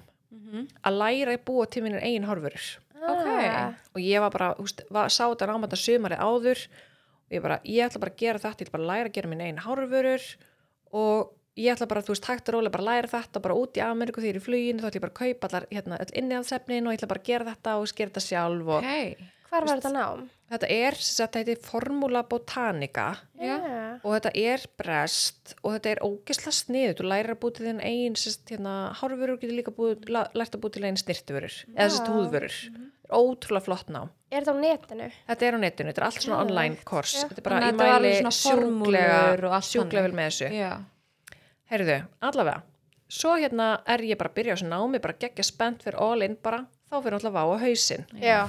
Þannig ég bara, Right. ok, frábært hvað ger ég nú? Já. Oh my god. Ég bara, ég er langsins komið þetta plan, langsins Já, búin að fá einmitt. konfidensi bara, nú ætla ég að fara að gera þetta sjálf bara, mixa einhverja formúli, ég sá bara fyrir mér einhverja tilhjónastofi, Já, já, vera eitthvað já. svona, gera eitthvað svona Einmitt. sjampo og eitthvað bara, ég sá þetta allt fyrir mér bara eitthvað, nei, þetta átti ekki að gerast þannig ég eitthvað, ok ég get ekki vera að panta einhver einhver oljur og einhver innanstefni til Íslands veitir hvað þetta kostar, Já. þetta Já. er viðbjóslega Já. dýrt Svo dýrt. Mhm. svo ógæslega dýrt, þannig ég bara, ok ég þarf að hugsa þetta upp á nýtt, ég ætla að hafa samband við eitthvað fyrirtæki á Íslandi og ég ætla bara að láta búið til vöruna fyrir mig og ég ætla Mhm. bara, þú veist, Já. gera það þannig emmett allavega, ég er að láta ykkur fara löngu söguna hérna, Já. sko Já. Bara- Nei, við við elskum viljum það. alla dítila sko Við finnst það alla. geggja. og hérna, þannig að ég er eitthvað svona, ok ég fer, fer þá bara í brjála rannsóknarvinnu og finn fyrirtæki sem að ég ætla að byrja að um, læt byrja sérst að, að búa til vörur með mér já, ég segi bara okkar mér langar að vana sér svona og ég sérst ákvað að byrja á einni vöru Mhm. og það er hármaski eða djúpnaring, af því að þú veist bara fjáraslega og markaslega séð meikar að mestan sens að byrja með eina vöru sem hendar öllum hártegundum emmett þú veist, það hendar fingerðu, þykku, grófu, dökku, ljósu hári, stuttu síð, allt þetta. Það hendar bara, þetta er bara vara sem hendar öllu hári. Bara frekar að byrja með eina vöru, sjá hvernig það virkar, svo bara sjáu til og frekar bara vexta hægt og rólega. Emmett. Og ég er búin að vera í sambandi við þetta framlýslufyrirtæki núna í tvö ár og þessi þróunarvinna, náttúrulega ég, framkvæmda gleð, glaða ég hérna alltaf þetta en það myndi náttúrulega bara taka svona sex mánu já, bara já, sex mánu og þetta bara klárt og ég bara, þú veist, græta bara og þetta var bara geggja og ég sá þetta bara fyrir mér og hillum ykkur búðum bara, þú veist, Mhm. fyrir jólinn skilur við sama ár Mhm. nei, nei, ég sést ennþá í þeirri þróunavinu já, Já. og hún er bara að ganga en auðvitað gengur hún hægt ég er Mhm. náttúrulega fullkomna sinni Já. ég vil að varan sé bara nákvæmlega eins og ég vil hafa hana og ég vil það sé það besta sem ég hef prófað Mhm. auðvitað þú veist, og ég hef Nefnilega. prófað ógrinni af hárvörum nákvæmlega. þannig ef ég vil eitthvað að sé betra en það sem ég er þegar búin að prófa þá þarf Já. þetta Rosa svolítið gott, langan, já. svolítið langan hérna, þróunatíma Einmitt. Og svona Þannig- það hjálpar ekki COVID nei, með að senda fram og tilbaka pröfur og... nei, en þú veist samt skilur var það ekkert, ekkert rosalega stór partur í því að þetta náttúrulega er fyrirtækinn á Íslandi Já, Já. einmitt, auðvitað. þú veist Já. og það er svolítið svona það sem ég langa að gera vera með íslenskt vörumerki, Mhm. íslenskt mm þú veist Mhm. vera með allt íslenskt en sko, þannig að við erum eiginlega ennþá í þeirri þróun en samhlega því þá langa, hefur mér alltaf langa til þess að vera með um, svona hár aukarluta eða Já. aukarluta varahluta, nei Já. hérna, sérst, svona hár accessories hvað Já. á að kalla Já. það, svona Já. aukar, jú, hár aukarluta Einmitt. línu Einmitt. og á sama tíma ég byrjaði sérst að þróa hérna, þessa, þess, þennan hármaska með þessu fyrirtækja þá byrjaði ég að hafa samband við framleiðendur bara út um allan heim sem að sér hafi sér í bustum sér hafi sér í þú veist tegjum og alls konar svona fyrir hár Mhm. og ég var búin að ákveða þrjár vörur sem ég langaði að gera um, fyrirtaldur síðan og búin að finna þessi þrjú fyrirtæki sem ég langaði að láta framlega fyrir mig og ég ennþá alltaf að býða eftir þessum hármaska Mhm.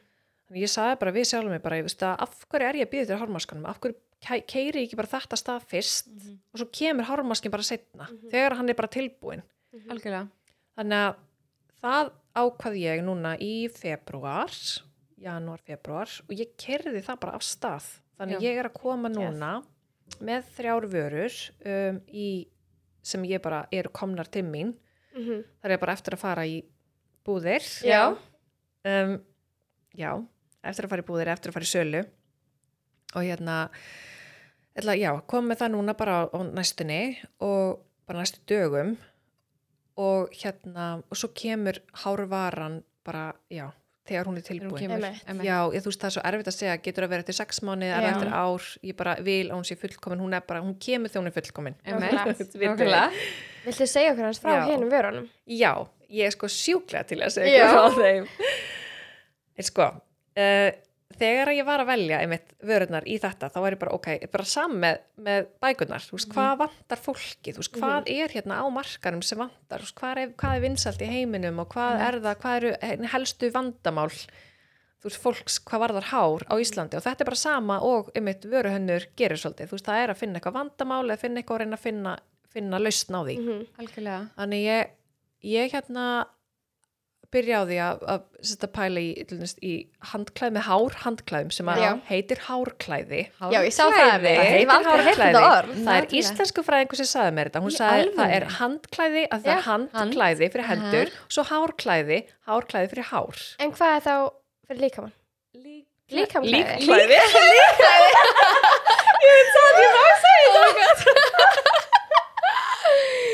Ræðilegt orð. Já, við sem sagt Handklæði, það það eru verður að droppa líkklæði. Ok, Líkamklæði. það er, já, ok. Þetta er samt svo Já. rétt orð. Þetta Þetta er er- náttúrulega já. rétt orð en ég, var bara, ég er ekki að fara að kalla þetta eitthvað hárklæði, Hárklæði. hún bara teatur að þetta er rétta orðið, þetta Já. er samkvæmt íslenskri orðabók, er þetta hárklæði Ég Og bara, þetta er ok, til, og þetta er þú veist. til Mér já. fannst það ótrúlega flott þegar ég sá Mér finnst það það, ég hef geðveikt. aldrei séð það Mér nema finnst það á svo smart, myndinni hjá já, þér. bara- já, og þá sagði ég um þetta hárklæði og ég bara, já, vá, bara ótrúlega flott Já, ég hafði það er smá. ekkert eitthvað svona, það kom ekkert hik þegar ég Nei. las þetta nei, þannig einmitt að, ég var samt bara þetta meikar ekki Já. sens og bara, en af, af hverju meikar, meikar hár handklæði sens, Ömmit. þú veist, handklæði. allavega Einmitt. Já, ok. ég er að byrja með hárklæði Já. og, og hérna, það er rosalega lítið frambúð af hárklæðum á Íslandi Við vitum það. Mjög. Já. Já, og ég hérna hef virkilega komist að því og svo er það bara hvaða efni fer vel með hárið og Já. Mhm. það er bómullarefni er ekki mælt með fyrir hár. Ok. þá að rífa Nei, svolítið það já, ekki? það með- getur, einmitt. getur rifið hárið og það getur gera það meira úfið. Já. Þannig Já. að Hvaða, þú veist, allavega miða- mið- miðað við mína rannsóknir að þá er mikrofíber Já. efnið Aha. rosalega gott fyrir hárið. Því að dregur svo ofbæslega mikið í sér rakan já, og það er líka eins og fyrir liðaðhár og, og annað, þú veist, það heldur heldur formið hársin svo vel og dregur svo, raka svo fljótt í sig þannig að sko til dæmis ef þú setur reyndar ekki með krulla hár en ef þú Eh. myndir setja Hárklæði. mikrofíber hárklæði í þig eftir styrtuna þá reynur, er það þurrka, er, er þurrkunatímiðin miklu styttri já. af því að dregur svo rosalega mikið í sig rakan ok, hár, reyðast hangklæði verður, nei afsakið hárklæðið Hárklæðið. Já. verður rennandi blöyt að það bara Já, dregur ok. allt í sig en svo bara hrindir það frá sér já. vatni bara strax hver er pælingin á bakvið ég sé það á TikTok og Instagram og Já. alls þar á netinu en að bóla Já, já, dæmið. einmitt Að sem ég Ég veit nota víst nota ekki. borin gamlan í hausinn, ok, já, ég já. er- einmitt. Ég varð að spyrja Atkin að þessu. sagði eitthvað að nota gamlan já, bómullaból. bómullaból Já. já. það pælingin er eiginlega svo einmitt að- að svona gamli bómullabólir draga einmitt svo mikið í sér raka og Já. fljótt í sér raka því þú veist það er einhvern veginn efnið er bara þannig uh -huh. mhm, bómullin er miklu fínni Já. það dregur Já. miklu fyrir í sig þannig að það meikar alveg sens þannig ok ég myndi bara aldrei nenna því Nei. Ég er einmitt alltaf, Mig ég er með langar bóli, miklu- ég er með tvo hárbóli, já, sérstaka, já, sem eru bara fyrir hárið mitt eftir styrtu, einmitt bara þegar ég sá þetta. já. En svo sá ég líka að þetta væri bara eitthvað bullshit og þú verður að nota mikrofibra Einmitt. Fíbra- Já. klæði til þess að í rauninni fara betur með hárið þitt. já, við tókum þetta fyrir mýtu Já, mýtu. Já, þú veist, ég veit reynur ekkert hvað er satt Nei. og hvað ekki, ég hef ekki Nei. séð Já. hennar rannsóknir um þetta og ég hef heldur Nei. ekkert séð hennar rannsóknir um það að mikrofíber Nei. hárklæði fari bara vel með hárið og Nei, bómull nei, fari nei. bara illa með Já, Mhm. hárið, þetta er einmitt. bara svolítið svona reynsla fólks og Ég þetta fann er svona einmitt pínu common fyrir- sense. Þegar ég byrja að nota svona ból, að mér fannst það fara betur út af ég, ég er ljósar alltaf með strýpur og Já. það verður svo þurft. Já, Mér fannst það verða betra. já. Mér styrir mér eins og þegar ég byrja að nota hárklæðið Mhm. Já. sem, ég, sem, sem að ég er að, að framlega að ég er með liðahár Mhm. mér fannst sko, en ég er ekkert með ros, ég er ekki með krullahár, ég er með liðahár og mér Já. fannst liðinni mínir allt í henni verða bara brjálaðslega flottir já, Gæðvegt. þú veist, að því ég, ég, Já. ég raunur bara setti hárklæði í, var með svona kannski 20 mínútur tók Já. Mhm. það úr og það var bara ótrúlega fallega liðað Vá. Þú veist, já, þannig ég, þetta er alveg að virka það Já. kom mér alveg sjálfri smá Já. óvart sko, af Já. því ég var ekki að, að raunur panta þetta út frá því að þú veist, ég hafði eitthvað persónulega reynsleita og Nei, bara já, nota nei. því að ég var búin að sjá svo mikið af því einmitt bara á TikTok og netinu Já. bara að microfiber væri svo frábært fyrir hárið einmitt og ákvað að gera þetta bara sjálf út af því að ég var bara búin að sjá aðra tala svo mikið um það Emmett. uh, já, og svo til að fara út í næstu vöru Mhm. en kannski með hárklæð það er eitt sem ég langar að nefna, ég gerði það ekstra langt Ég var, Geðveikt, bara, þau ég, eru alltaf nei, að ég var bara að stærðar. spyrja koma stærðir og Já. því að ég hef ströggla, ég hef alltaf verið með mjög sítt hár já, er, ég hef aldrei verið með svona stutt hár eins og ég er með núna en ég hef alltaf strögglað þau hangklæði sem hárklæði sem ég á fyrir hárið á mér Mhm. eru alltaf bara, ég er að tróða einhvern veginn hárinu þú veist, Ég veit inn í það. það þannig að það er geðvegt gott að heyra þetta ég einmitt leta þú veist, flest svona hárklæði eru svona cirka 60 cm, oft 55 til 62 cm Einmitt. ég er mitt 70 cm Geðveikt. Gæðvegt. þannig að það er mjög langt En og meira er sér það? sko, Er það svona í læginu eins og þessi haus? já, þetta er svona eins og turban Já. Mhm. Já. þannig að þú setur það sérst hérna seiflar haustum, þú veist, afsakið höfðinu fram, setur það fyrst á Aftan á. nakkan, Já. snýrð upp á það framan og svo tek, dregur það aftur og festir það aftur Teygju. með, með tegju Ok. um, og fyrir þá til dæmis sem að ef þetta eru langt fyrir þá, fyrir Já. suma sem er með steyttarhár þá getur þú bara tróðið inn undir Einmitt. Einmitt. þannig að það er mjög betra að hafa það of langt Já, heldur en miklu. öfugt Já, sko. Miklu betra. en samt alltaf betra heldur en að vera með eitthvað svona strandar hangklæði á höfðinu já, sem Já. næður upp í Já, lofti maður er skilur, komin og alveg að það er bara- bara- hræðilegt. algjörlega Það er sko. fálægt þegar maður setur á Já. og bara bara, en geggja að heyra og gerði langt Já, Það er alveg gera bara sérst ekstra æði. langt fyrir, Já. fyrir hérna, þær sem eru alltaf kvartið fyrir Já, alltaf svo takk. stutt já. Einmitt. og svo hérna, já fyrir ekki, hvað sagði Nei, ég ætla að segja, ég ætla að akkurat að segja og svo er það næsta vara. Já. Já, spennt Já. að heyra alveg svo, svo hérna er ég með túberingabösta um, hann er viðabusti, hann er ótrúlega góður og túberingabösti er bara eitthvað sem ég finnst allar konur þurfa að eiga í töskunni sinni og ég hef bara sagt þetta í mörg ár Ég man, ég bara, sko, fyrsta sem ég hugsa þegar ég hugsa um þig, bara fyrstu kynnin okkar var þegar Já. ég var að læra upp í Reykjavík Makeup School og það var bara fyrsta setningin sem ég sagði þér og túberingabusti bara, ok það er þannig samt að bara þú minn, þannig eða það Það minnir er alltaf ógeðslega bara rétt. túberingabusti minnir mig Já. á teatru, alltaf það er bara tóperingbusti, þú veist, hann er, svo, hann er geggja fyrir endan á hárun til að greiða úr krullum og Mhm. hann er líka bara til að gefa létta fyllingu og þú veist, það er svo margir líka sem halda að tóperingbusti sé bara eitthvað svona fyrir einhverja brjálaða fyllingu. Já. Einmitt. Það er svo margir sem halda það. Það er svo En gamal, það, er svolítið gamaldags Já, hugsun að þetta sé hérna til þess að hækka nakkan Já, og þannig. Já, það þarf ekkert að gera það. Þetta getur Nei. líka bara, þú veist, ef þú ert með rosalega til dæmis, þú veist, flatt, eða skilur mjög svona hérna kassalaga höfu og þið Mm. vantar smá fylling bara rétt hérna efst við, hjá augabrúnum, hjá Mm. hárunum þar. Bara örlítið. Mhm. Eða til dæmis eða með rosalega sveip í nakkanum. Já.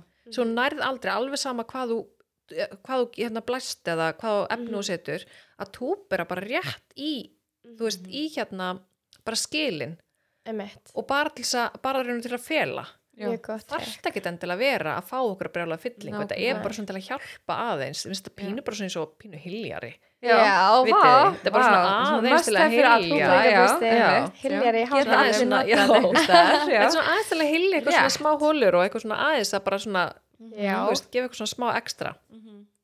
og já, og hann ástæðan fyrir líka að maður nota túberinguvista frekar heldur en bara pinnagreiðu er að feð bara miklu betur með hárið mm. Einmitt. Mhm. því að hann er svona í mörgum lögum hann er svona, hann er mislangir ángar Mhm. bustans Já. þannig að það raunur býr til mjög góða fyllingu en það er mjög auðvelt að taka hann úr aftur Já. en hún skemmir hárið ekki neitt Ok.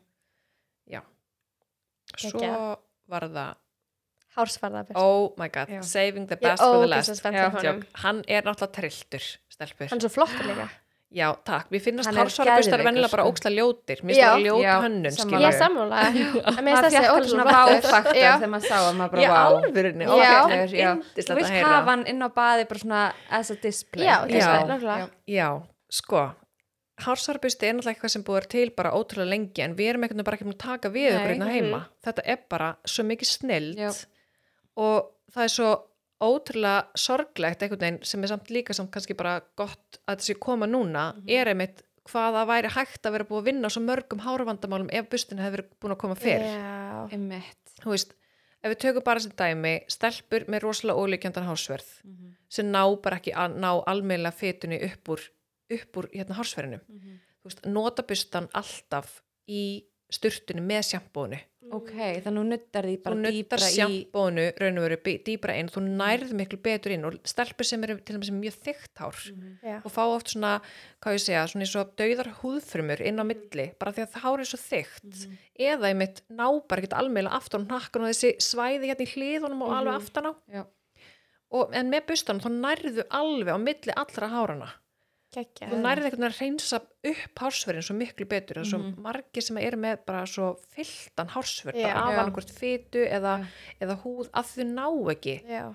og svo náttúrulega bara úlingstelpur sem eru bara með Já. endalus bara í ykkur hormona örgli Mhm. og bara endalus fytukirtlundir eru bara hérna í ykkur Það offramlislu Og getur þetta líka er komið náttúrulega sem svona bólur í hársverðin. Já. jú, Ge- Hjálpa þetta líka við það? þetta hjálpa við Já. það að því, að bara, að því þeir eru líka sko ángar burstans, þetta er allt sem er hann svo mjúkur Já. þannig er ekki harður, hann er svo rosalega mjúkur og hann akkurat passar inn í hendina og svo er svona um, svona eins og flipi sem fer hérna ofan þannig að hann dettur ekki af Mhm. Já. hendinni þannig að þú nærið alveg að halda í hann og bara nærið að nutta og nutta og nutta Og ert að nutta hann fast. ég, nut, ég nutta hann alveg fast sko Já. Já, svo finnst mér þetta líka verið fyrir stelpur sem eru líka bara með bara auman hársverð já, þú veist það sem Já. margir sem á aumt svæði þar sem að til Einmitt. dæmis að eru með tagl og þannig Mhm. já, einmitt.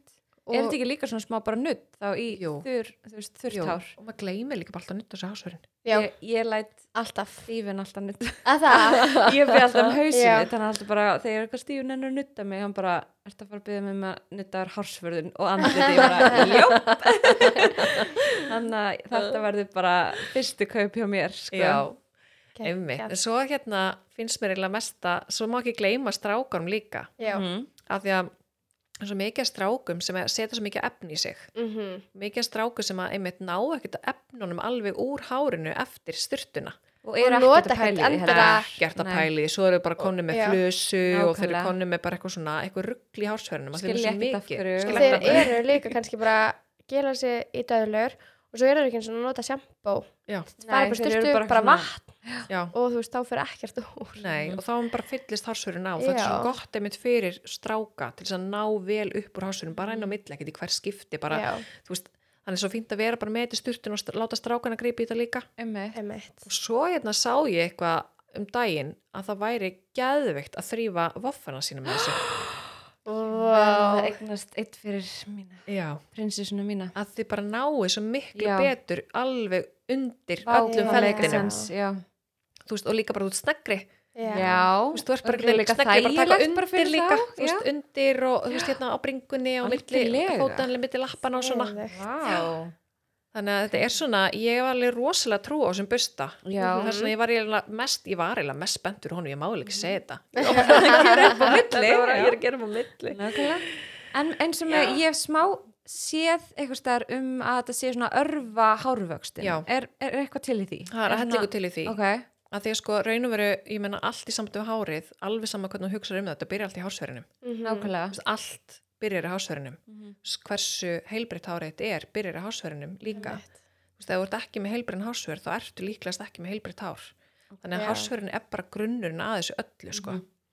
hvað var þetta spurningin úr glefinni? Hvort þetta auki hárvöxtin? Já, hárvöxt, Já. alveg rétt, hárvöxtin Mhm. um, þannig að sko ef þú ert til dæmis með stíplur í, í, í hérna hársekkjunum Mhm. þá getur það einmitt, þú veist, þú nærð að losa sem því, Einmitt. þú veist, losa upp úr því með bustanum og þá þýðir það náttúrulega að hásverðin fær meira andrimi til þess Já. að vaksa Mhm. um, ef þú ert til dæmis skilur upp stífur og þú notar bustan Mhm. að þá eigur að blóðflæði sem að eigur hárvöxt Já. Þú Einmitt. veist, það er bara alls konar, það er bara eftir vandamálinu en ég meina, ef þú ert til dæmis með fullkomlega heilbrenn hársvörð út með enga stífla þar ekkert að og þú ert ekki með neinar þú veist, þú ert ekki með neinar neitt stífleika eða neitt svoleiðis, þá kannski er þetta ekki að fara að vera einhver undrabursti Nei. til Mhm. þess að, að hérna, örfa hársvörðin sko, en það er alltaf að fara að hjálpa Já, það mitt. er alltaf að fara að gera eitthvað Nákvæmlega. Einmitt. eða skiljið hvað ég meina, Já, Mhm. algjörlega. en þetta 100% örfar hárvöxtin, Já. þú veist bara mismikið fyrir, fyrir Já. hvern og eitt sko. Mér vantar svo mikið en hann besta sko. Ég tók bara þrjá, eitt fyrir Já. mig, fyrir Stífin og hundin. Já. Já, mitt.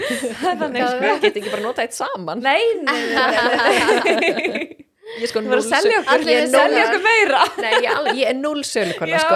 Ég er alltaf svo meðvirk með Er öllum það? Já, ég er alltaf svo Þarfti óslæm þetta ekkert. Þarfti þetta nokkuð, við líka bara deila öll Einmitt. fjölskyldan bara skiptist Jú. á bara Joke. En ef við fyrir maður bara meira út í, í svona merki, hvað er svona, hvað er framtíða sínin? Hvað er, þú veist, ætlar að fókusa á Ísland, langar að fara eitthvað út með það? Hvað Já. munum við fá þessa vörur? Emmett Sko Ég er náttúrulega, þú veist, stefna á alheims yfiráð tjóka. Ekkert annað. Mjög góð framtíða sín. Nei, ég er að grínast, ég er bara, vitið það að ég er meira bara spennt fyrir því að geta búið mér sjálf til rými og einhvers konar svæði þar sem ég get fengið að vera bæði hárgrísleikona og veru hennur Já, Nákvæmlega. og það er eiginlega það spenntast að þú veist, mér finnst það algjörlega fyrir mig er það bara eitthvað skemmtilegast við þetta allt að ég fái einhvern veginn að gera bæði og vera loksins búin að búa til einhvers konar svæði þar sem ég get gert fengið að gera bæði og fengið að blómstra í báðu Mhm.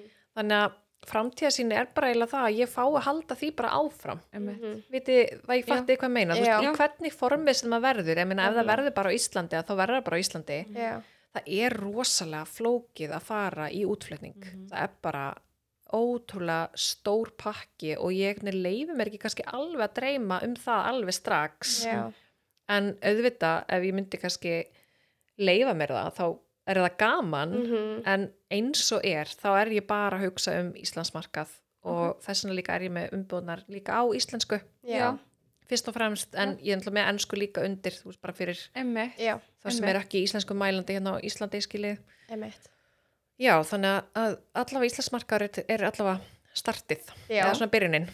Það er bara fullkomið að byrja á íslensku Já, marka líka. Og þetta sjá er góð bara, testmarkaður. Ekkert smá. Nákvæmlega. Við erum líka kaupóð. þannig að- Við erum sjúklega Já. kaupóð. Hvað Ekkert er að smá. frétta á Já, okkur, það er sko? eitthvað í okkur sko. Þannig að- og, já.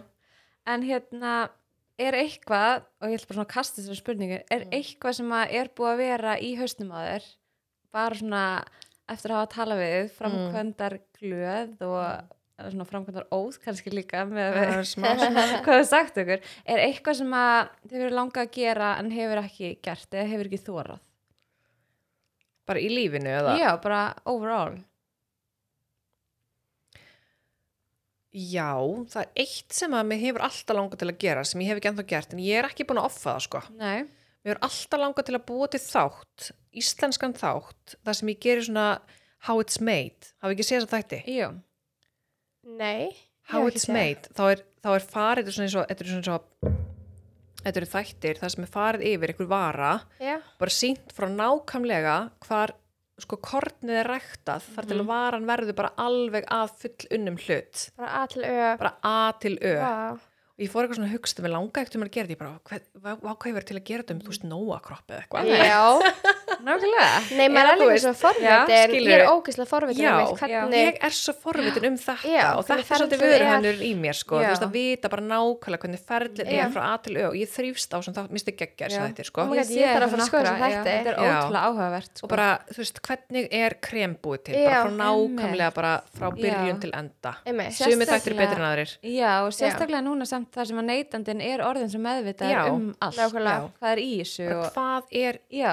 það, hvað er það sem ég er að borða já, Mhm. einmitt hvað er í þessu súkulega, hvernig er að búið til, hvað er að framleitt þú veist, hver kom Já. að því, bara allt þetta Ég mér finnst skrifa þetta hérna ógeðslega niður. Ég ætla að skrifa niður. how it's made How it's þetta made. er alveg gamli þættir sko. Vá, gegn- Vá, sem Ég, sé ég ekki aldrei lengi, ég sé veit ekki hvort þetta. Eh. það sé eins- eins og lengur framleittir sko. Nei. Ég finna öruglega einhvers þar Já, ég held sér YouTube Já, ok, geggjað. geggja, líka Mm. út að oft er sínt kannski bara frá vörunni en mér langar alltaf líka svo að sjá ok, en pakningarna, Já. bara að gessulega allt Já. og hvernig fer það bara og í fólkið hillina oft baka Já. vörðnar Fólkið, það er nákvæmlega. alltaf og það Mjög áhugavert. spennandi Já. þannig að það er svona eitt draumur sem að ég kannski lætt vera að veruleika eitthvað tíma Já, Mhm, spennandi en ég held samt að sjóastögu mínum sé lokið já ég held það mhm.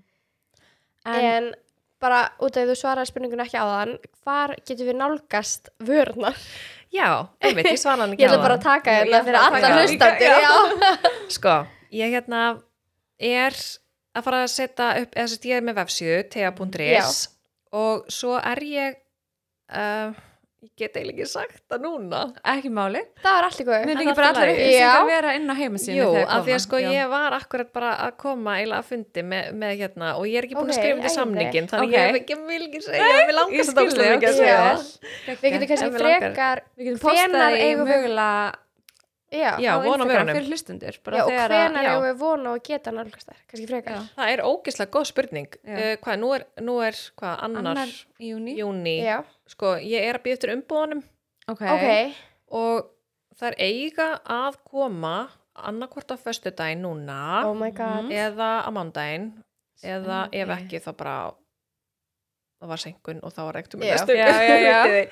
Ok, en ég er ógeðslega alveg, þú veist, það spennandi. má gerast á föstudaginn og það Já. má mögulega gerast á mándaginn það verður bara komið ljós þannig að það er einhvern tímann- alltaf ekki næstunni. mjög langt í þetta Nei, ok, geggja okay þannig vá. að þú veist, ég myndi segja mestalagi frá núna mestalagi svona kannski tvær vikur ef ég ætla að vera rosalega já, bjart sín já, eða svart oh my sín god geðveikt spennandi Já, við fylgjumst bara náið með algjörlega og þú ert með Instagram Já, undir já, sjálfan þig og Já, vörurnar, já, það já, ekki? já, og vörurnar. ef þú vilt kannski segja hlustundunum hvað já hérna það er hérna Instagramið þitt Thea Herkers Thea Herker Já. þannig að allar helstu Já. Mhm. upplýsingar koma inn á Instagram síðan aðeina þá er allir líka verið með alls konar svona kennsluvídeó, hvernig þú getur Einmitt. nota vörurnar þú veist, eins og þetta sem ég var að segja ykkur áðan með túbringabustana, mm. Mhm. hvernig þú getur notað hann ekki bara til að fá þessa, þú veist, Dolly Parton fyllingu heldur bara Einmitt. að þú nota hann í alvörunni fyrir daglegt líf og Já. af hverju Já. þarf þetta eiga hann í töskunniðinni það er svo sniðut, ég Allt elska svona. Mm. þannig mér finnst það möst bara hjá öllum merkjum já, að vera með síðan svona Já, Mhm. hvernig að vera með notar svona. þetta Já. Já.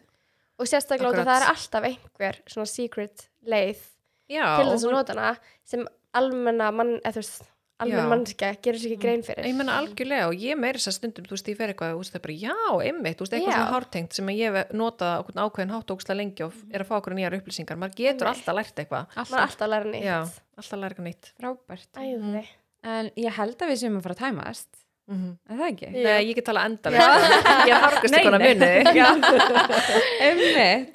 En bara okkur langar að þakka þér innilega fyrir komuna. Mm. Já, takk fyrir að bjóða mér. Og gangir ótrúlega vel með merkið. Við munum fylgjast með okkur einsta skrefi og vera helstu aðdæðandur hér. nákvæmlega við verum fyrstar að kaupa allar vörurnar Allar vörurnar, Æ, já. sætu Það er svo Og- góðar Við bara mælum aftur með að fylgja Thea Herkir á Instagram fyrir allar helstu upplýsingar og, og næli ykkur í þessar glæsilegu vörur sem að þið munu hafa ekki onískúfu heldur upp á borðið út af þessu Nákvæmlega. fallegar líka.